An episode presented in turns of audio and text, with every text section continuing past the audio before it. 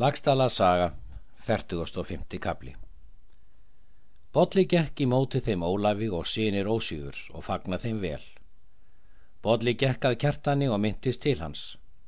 Kjartan tók hveðju hans. Eftir það var þeim inn fyllt. Bodli er við þá hinn kátasti. Ólafur tók því engar vel en kjartan heldur fálega. Veistla fór vel fram.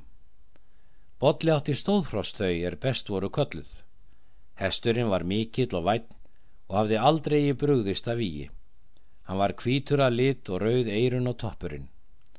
Þar fylgdu þrjú merhrissi með sama lit sem hesturinn. Þessi hross vildi Bodli gefa kjartani en kjartan hvaðst engi vera hrossamar og vildi eigi þykja. Ólafur bað hann við taka hrossonum og eru þetta hinnar virðulegustu gjafir. Kjartan setti þvert nei fyrir skildust eftir það með yngri blíðu og fóru kjarthildingar heim og er nú kyrt. Var kjartan heldur fárum veturinn, nutu menn lít talsans, þótti Ólafi á því mikil megin. Þann vetur eftir jól býst kjartan heiman og þeir tól saman, ætluðu þeir norður til hér aða. Ríðan og leið sína þar til þeir þeir koma í Víðidal norður í Áspjartanes og er þar tekið við kjartani með henni mestu blíðu og öluð voru þar hýpili hinn veglegustu. Hallur són Guðmundar var þá á tvítus aldri. Hann var mjög í kyn þeirra lagstala. Það er alls sagt að eigi hafi verið alvaskleiri maður í öllum norlendinga fjörðungi. Hallur tók við kjartan í frænda sínu með mikill í blíðu. Eru þá þegar leikar lagðir í áspjartanesi og sapna víða til um héruð. Kom til vestan úr miðfyrði og að Vastnesi og úr Vastal og allt utan úr Langadal var þar fjölminni mikið. Allir menn höfða máli hversu mikið afbragð kjartan var annara manna. Síðan var aflað til leiks og beitist hallur fyrir. Hann bað kjartan til leiks.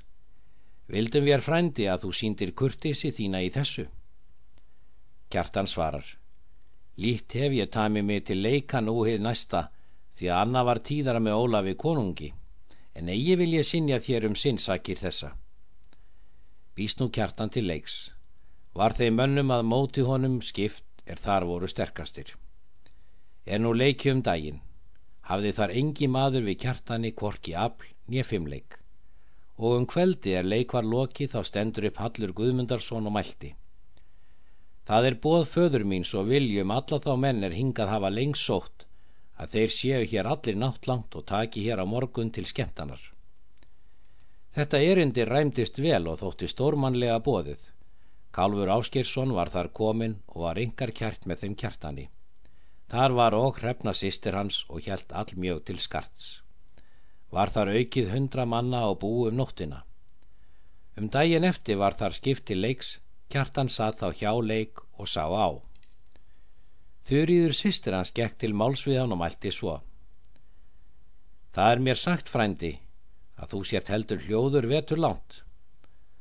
Tala menn það að þér muni vera eftir sjá aðum guðrúnu.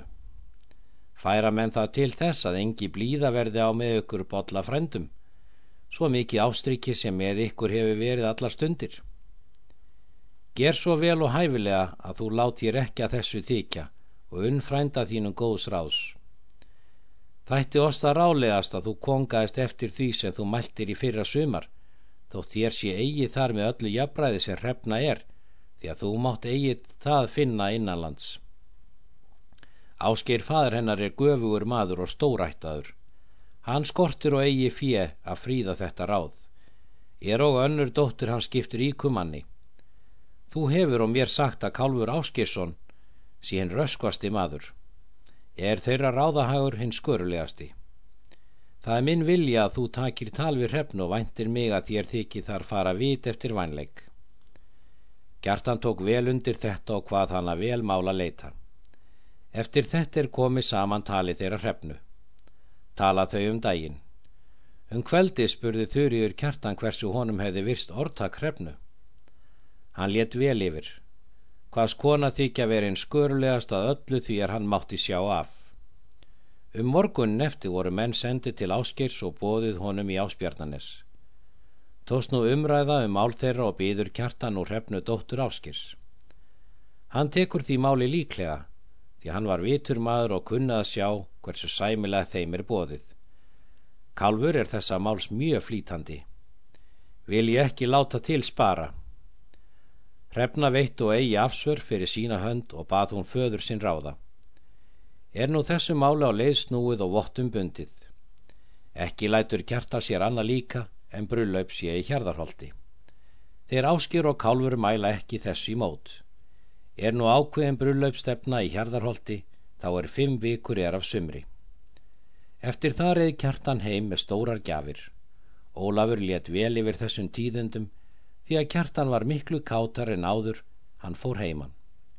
Kjartan fastaði þurft langaförstu og gerði það að engis mann stæmum hér á landi því að það er sög manna að hann hafi fyrstu manna fasta þurft hér innanlands. Svo þótti mönnum það undarlegu hlutur að kjartan lifði svo lengi matlaus að menn fóru langa leiðar að sjá hann. Með slíku móti voru aðrir hætti kjartans umfram aðra menn. Síðan gengu af páskarnir. Eftir það láta þeir kjartan og Ólafur stopna til veistlu mikillar. Koma þeir norðan áskir og kálfur að ákveðinni stefnu og guðmundur og hallur og höfðu þeir allir saman sex tígu manna. Þeir kjartan höfðu og mikið fjölmenni fyrir. Var svo veistla ágætt því að viku var að bóðinu setið. Kjartan gaf hrefnu að línfið móturinn og var svo gjöf all fræg því að engi var þar svo vitur eða stór auðugur að slíka gersemi hefði séð eða átta. En það er higgin að manna frásögn að átta örum gulls væri ofið í móturinn. Kjartan var óg svo kátur að bóðinu að hann skemmti þar hverju manni í tali sínu og sagði frá ferðum sínum. Þótti mönnum þar mikils um það verðt hversu mikil efni þar voru til seld því að hann hafði lengi þjónað hinnum ágættasta höfðingja Ólafi konungi tryggvasinni. En þá er bóðinu var slitið valdi kjartan góðar gjafir Guðmundi og Halli og öðru stórmenni. Fengu þeir feðgar mikinn orðstýra þessi veistlu tóku skóðar ástir með þeim kjartani og hrefnu.